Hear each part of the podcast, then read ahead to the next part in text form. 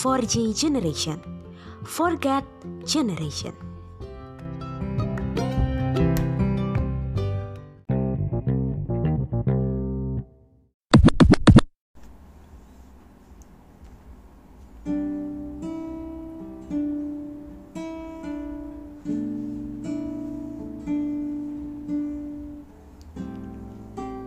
Shalom teman-teman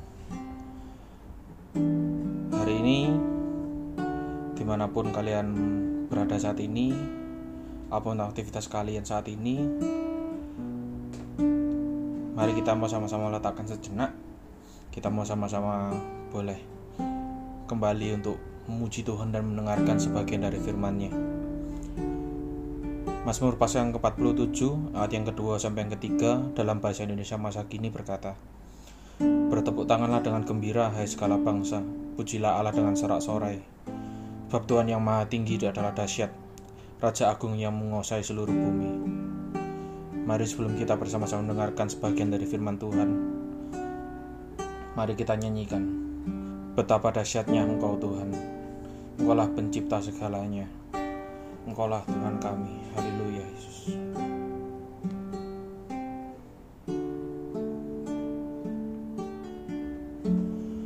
Betapa dahsyat Engkau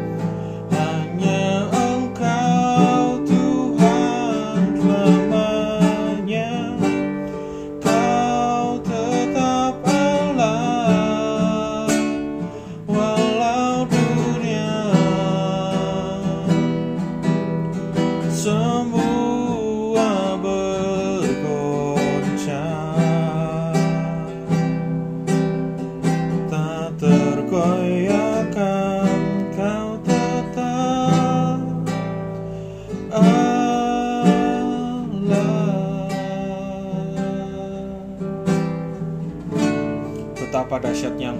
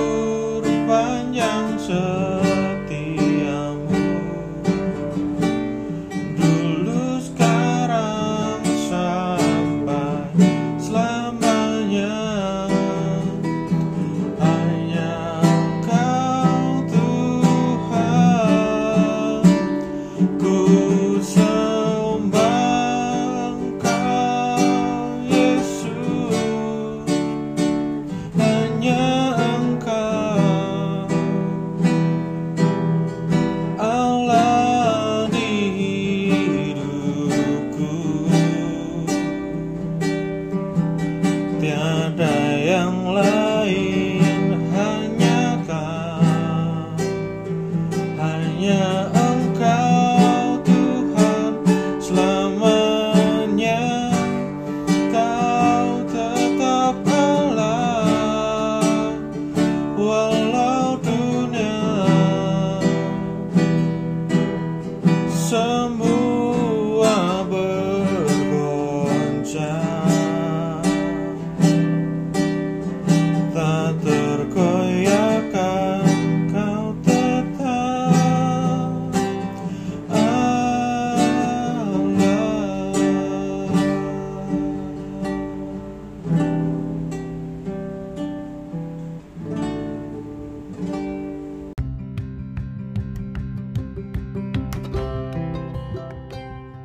Sesaat lagi kita akan mendengarkan khotbah dari youth pastor kita, Ko Yohanes Hoki Hardian. Selamat mendengarkan. Shalom teman-teman, gak terasa nih waktu begitu cepat berlalu dan sekalipun awal tahun saya percaya banyak hal juga yang terjadi dalam kehidupan kita. Baik itu suka ataupun duka yang kita lewati. Hari ini kita akan merenungkan satu renungan firman Tuhan yang saya beri judul On His Silence yang diambil dari Injil Yohanes pasal 11 ayat yang ke 14 sampai dengan ayatnya yang ke-15. Beginilah firman Tuhan. Karena itu Yesus berkata terus terang, Lazarus sudah mati. Tetapi syukurlah aku tidak hadir pada waktu itu. Sebab dengan demikian lebih baik bagimu, supaya kamu dapat belajar percaya. Marilah kita pergi sekarang kepadanya. Sebelum kita mendengarkan kebenaran firman Tuhan, mari kita satukan hati dan kita berdoa. Tuhan Yesus terima kasih buat sore hari ini di mana Tuhan kembali mengizinkan kami untuk kami boleh bersekutu sekalipun melalui online. Tetapi kami percaya Tuhan, kuasamu dan hadiratmu nyata di tengah-tengah kami. Biarlah setiap hal yang kami kerjakan Bapa, terlebih saat ini ketika kami akan mendengarkan kebenaran firman-Mu, Tuhan sendiri yang boleh berhadirat dan Tuhan sendiri yang boleh memberikan konsentrasi yang baik sehingga setiap kami Tuhan, kami boleh mendengarkan firman-Mu dengan sikap dan hati sebagai seorang murid. Berfirmanlah Bapa sore hari ini melalui hambamu dan juga Berkati setiap persiapan sudah mau mengerjakan, agar setiap hal yang hambamu ber berkatakan sore hari ini semuanya itu boleh menjadi berkat bagi setiap kami semua. Kami bersyukur buat kasihmu dan dalam nama Tuhan Yesus kami mengucap syukur dan berdoa. Haleluya. Amin. Teman-teman, apa sih yang yang terjadi ketika kita tidak dianggap oleh orang lain atau permintaan kita itu tidak dihiraukan oleh orang lain? Apakah kita akan marah atau kita hanya diam saja? Atau kita akan meluapkan rasa kecewa atau kita bahkan justru membenci orang tersebut? Bagi kita, tindakan mereka yang tidak menganggap kita atau tidak menghiraukan setiap permintaan kita itu seolah-olah seperti merendahkan kita atau seolah-olah melihat kita seperti keberadaan kita itu tidak memiliki nilai atau arti apa-apa dalam kehidupan mereka. Saya pernah mengalami satu hal yang sama ketika ada orang yang merendahkan saya atau ketika ada orang yang menganggap bahwa keberadaan saya itu tidak berguna bagi dia, otomatis saya pun juga merasa jengkel dan marah. Contohnya ketika saya berbicara dengan lawan bicara saya, dan ternyata lawan bicara saya itu hanya diam saja, bahkan dia melakukan hal lain yang tampak seperti tidak mendengarkan saya. Menghadapi hal seperti itu bagaimana sih respon teman-teman? Dan pernahkah teman-teman mengalami hal yang seperti itu? Teman-teman adalah natur manusia bila kita meminta respon atau jawaban atas hal atau permasalahan yang kita hadapi, terlebih ketika kita menceritakan kepada orang lain. Dan di dalam perikop ini kita juga bisa melihat di situ ada Lazarus, saudara dari Maria dan Marta yang dikatakan meninggal akibat sakit. Dan sebagai manusia, Marta dan juga manusia mereka berharap bahwa Yesus bisa datang untuk melakukan sesuatu kepada Lazarus, yaitu saudara atau orang yang dikasihi oleh Yesus. Tetapi di dalam ayat 14 sampai ke 15 yang sudah kita baca tadi, di situ Yesus berkata lain. Dan cerita ini mengatakan kepada kita bahwa Tuhan di situ seolah-olah diam atau tidak meresponi tentang ada tentang permasalahan yang dialami oleh Maria dan Marta ini. Bahkan Yesus tidak hanya meresponi, tidak hanya memberikan sebuah respon, tetapi justru Yesus tambah menunda keberangkatannya. Yesus tidak tidak bergegas menemui Maria dan Marta, tetapi dengan sengaja di situ di ayat yang keenam dikatakan bahwa dia menunda keberangkatannya ke Betania itu dua hari lagi. Dan teman-teman ketika kita melihat hal ini, kita dalam pemikiran, dalam pemikiran kita, terutama ketika kita ditimpa masalah yang datang bertubi-tubi atau masalah yang tampaknya berat bagi kita, dan kita melihat respon yang diberikan Tuhan Yesus seperti yang sama di dalam ayat yang keenam dalam perikop ini, mungkin kita melihat bahwa seolah-olah Tuhan itu diam atau tidak peduli dengan kehidupan kita. Dan kalau kita lihat di dalam Alkitab, di sini bukan hanya Maria dan Marta saja yang mengalami hal yang sama, yang melihat seolah-olah Tuhan terdiam dan tidak peduli dengan kehidupan mereka. Contohnya seperti Raja Daud dan Ayub mereka juga merasakan hal yang serupa. Lalu bagaimana dengan kehidupan kita sebagai umat percaya? Apa sih yang harus kita kerjakan ketika kita melihat Tuhan itu seolah-olah berlaku diam atas penderitaan kita? Yang pertama di sini, tetap berharap dan percaya kepada Tuhan. Teman-teman, ketika kita mengalami suatu masa di mana Tuhan seolah-olah diam di tengah-tengah kita, melihat penderitaan kita, mungkin kita berkata, Jangankan untuk percaya kepada Tuhan, untuk mendengar kata Tuhan saja itu sudah membangkitkan rasa kecewa, bahkan amarah kita. Bagaimana kita bisa percaya dan berharap kepada Tuhan? Betul nggak? Dan ketika kita melihat di ayat yang ke-6 di situ, Tuhan Yesus dengan sengaja loh, bukan bukan bukan secara tidak sengaja, tetapi Tuhan Yesus itu dikatakan sekalipun Tuhan Yesus tahu bahwa Lazarus sakit, tetapi Tuhan Yesus dengan sengaja memutuskan untuk tinggal dua hari lagi. Dan mungkin orang-orang di sekitar Tuhan Yesus di mengatakan, oh Tuhan Yesus sekarang sudah tidak peduli lagi terhadap Lazarus, terhadap orang-orang yang dia kasihi. Ya, manusia memang bisa berpendapat demikian. Murid-murid Tuhan Yesus memang bisa berpendapat demikian. Tapi apakah berarti Tuhan Yesus juga memiliki pemikiran yang sama dengan mereka? Atau apakah anggapan kita itu benar? Ternyata tidak. Di situ dikatakan bahwa Tuhan Yesus mau keluarga Lazarus dan murid-muridnya, bahkan juga semua orang yang ada di sana itu untuk semakin percaya, untuk boleh semakin percaya kepada Tuhan. Dan di sini perhitungan waktu dan pemahaman kita itu memang tidak sejalan. Maksudnya perhitungan waktu Tuhan dan pemahaman kita itu tidak sejalan. Karena apa? Dikatakan bahwa kehendak Allah itu memang bukan ke, tidak sama seperti kehendak kita. Firman Tuhan mengatakan, Jalanku bukanlah jalanmu dan rancanganku bukanlah rancanganmu. Sejauh langit bumi, itulah rancanganmu dari rancanganku. Dikatakan seperti itu. Jadi apa yang dikatakan Tuhan Yesus di sini bukan mengatakan bahwa dia tidak peduli atau dia sudah tidak mau lagi tahu akan penderitaan Maria, Marta dan juga Lazarus. Tapi dalam hal ini Lazarus kan sudah meninggal. Jadi bukan Tuhan Yesus tidak peduli dengan Maria dan Marta, tetapi hal ini Tuhan Yesus lakukan karena justru Tuhan Yesus sangat mengasihi mereka. Jadi Tuhan mau mereka percaya bahwa Yesus adalah Tuhan yang berkuasa atas segalanya. Dan di dalam Yohanes 11 eh, ayat yang ke-21 dan di ayat 32, baik Marta dan Maria mengatakan kalau engkau di sini pasti saudaraku tidak mati. Teman-teman sebenarnya mereka sudah mempunyai kuasa uh, per, apa? satu kepercayaan bahwa Tuhan Yesus ini sanggup menyembuhkan Lazarus. Mereka sudah percaya akan kuasa yang Tuhan Yesus miliki.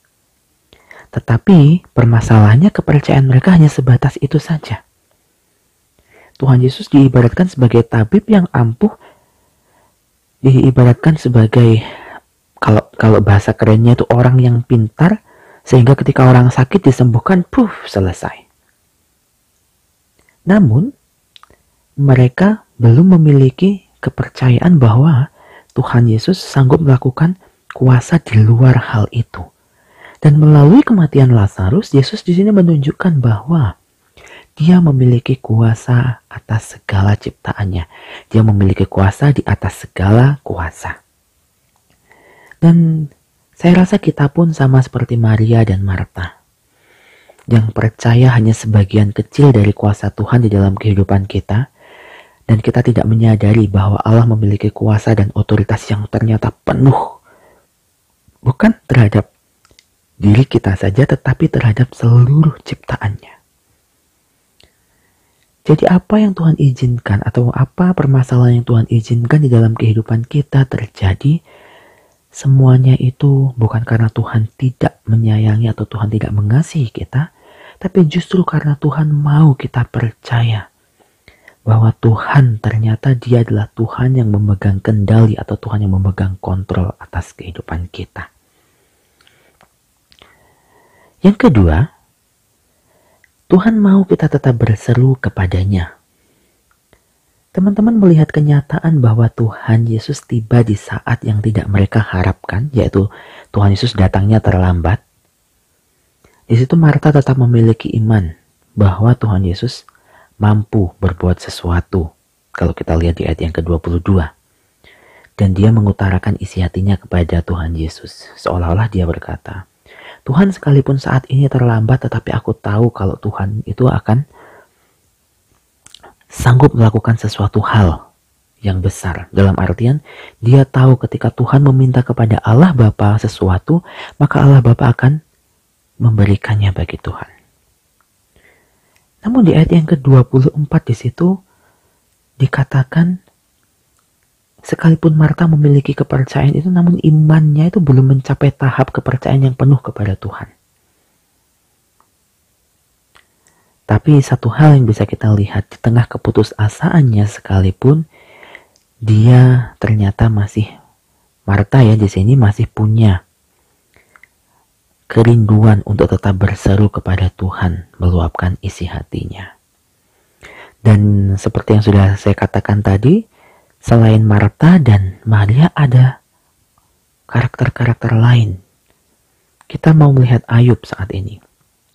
Ayub di, di kitab Ayub pasal 10 ayat yang pertama sampai dengan ayat yang kedua di situ dikatakan bahwa Ayub sangat putus asa. Bahkan dia mengatakan, sudah Tuhan aku mau mati aja rasanya. Tapi, sekalipun dia mengatakan aku mau mati rasanya, dia tidak melakukan atau dia tidak mengambil jalan yang singkat yaitu bunuh diri. Tetapi di situ Ayub mengatakan apa yang menjadi isi hatinya. Dia berkeluh kesah kepada Tuhan. Dia secara jujur mengatakan kepada Tuhan Tuhan per, uh, apa pencobaan-pencobaan ini begitu berat sehingga aku seolah-olah merasa seperti mau mati rasanya dan keluhan ini yang Tuhan ingin setiap kita juga katakan, nyatakan kepada Tuhan. Bagaimana sih kita meluapkan perasaan kita kepada Tuhan? Firman Tuhan itu mengatakan kita berdoa. Dengan cara kita berdoa, dengan cara kita yang membangun hubungan itu dengan Tuhan, maka secara tidak langsung kita akan membangun juga intimasi dengan Tuhan. Dan doa ini merupakan tindakan iman yang nyata yang kita lakukan kepada Tuhan. Kita mengungkapkan isi hati kita dan Tuhan di situ mendengar. Dan sama seperti juga Raja Daud, seperti saat dia dikejar oleh anaknya Absalom, di situ seakan-akan Tuhan berdiam diri. Namun hal itu bukan menjadi satu alasan kepada da bagi Daud untuk Daud tidak datang membawa keluh kesahnya kepada Tuhan. Kalau kita melihat di Mazmur 5 um, ayat yang kedua sampai dengan ayat yang ketiga di situ kita bisa melihat Daud tetap menyampaikan keluh kesahnya. Dan hal itu yang Tuhan mau di dalam kehidupan kita. Kita setiap hari berdoa, setiap hari membawa pergumulan kita kepada Tuhan. Tuhan mau kita tidak peduli terhadap apa tanggapan orang lain, tetapi yang Tuhan mau adalah bagaimana kita melihat Tuhan, bagaimana kita mau tetap berfokus kepada Tuhan, bukan kepada hal yang lain. Dan sekali lagi, Tuhan mau kita menceritakan setiap isi hati kita kepadanya di dalam doa dan ucapan syukur kita. Dan yang ketiga di sini kita bisa melihat bahwa Tuhan mau memakai kita untuk alat kemuliaannya. Nah, teman-teman, di sini Tuhan mau Maria dan Marta di situ percaya kepada Tuhan dengan segenap hati mereka. Sehingga keselamatan yang mereka terima itu benar-benar keselamatan yang sejati yang benar-benar berdasarkan dari hubungan atau relasi yang mereka bangun dengan Tuhan.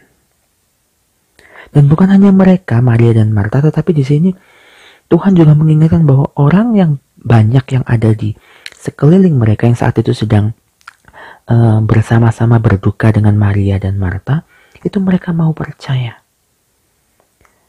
Kita bayangkan seandainya Yesus tiba tepat waktu dan menyembuhkan Lazarus.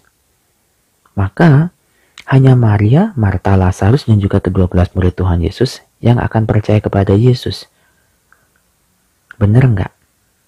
Ya percaya mereka ya cuma sebatas itu saja.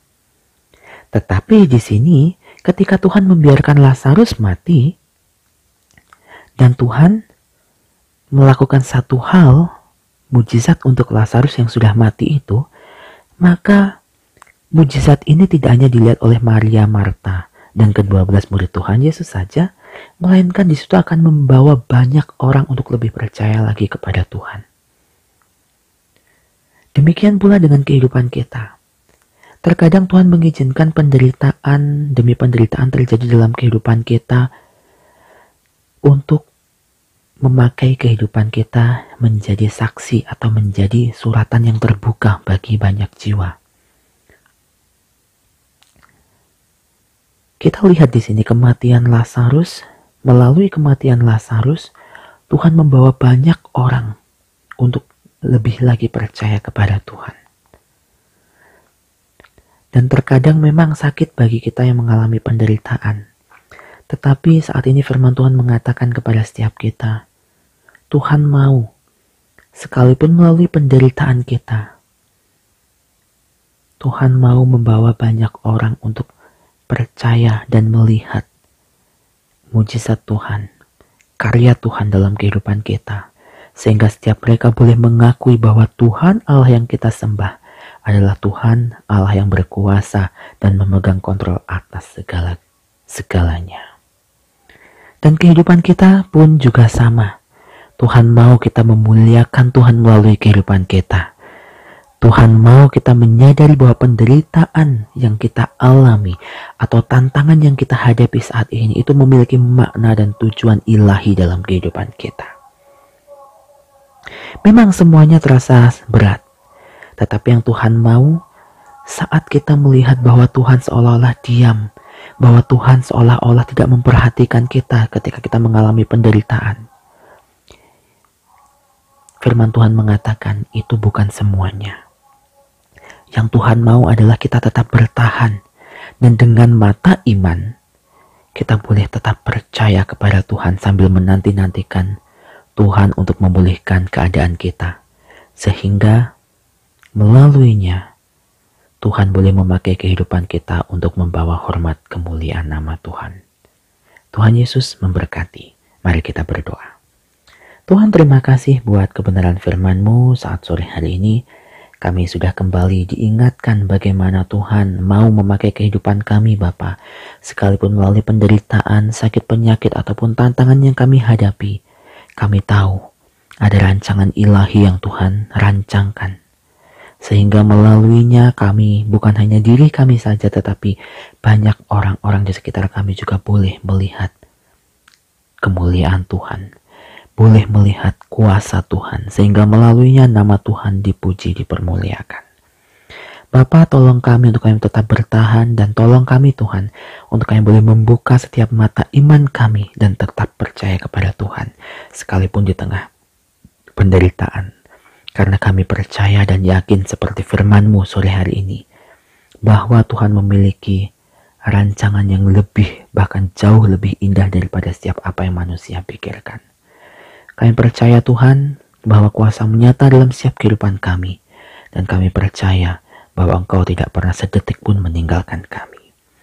Dan sekarang, rekan-rekan for God Generation yang terkasih dalam Tuhan, Kiranya kasih karunia daripada Allah Bapa, cinta kasih daripada Tuhan Yesus Kristus, dan persekutuan dengan Roh Kudus boleh menyertai anak-anak Tuhan yang mau tetap bertahan dengan membuka mata imannya dan percaya kepada Tuhan di tengah penderitaan mereka.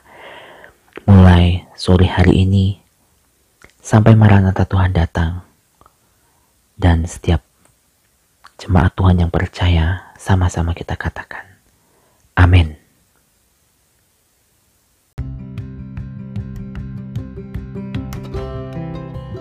Generation, kamu baru saja mendengarkan On His Silence yang dibawakan oleh youth pastor kita Kohogi.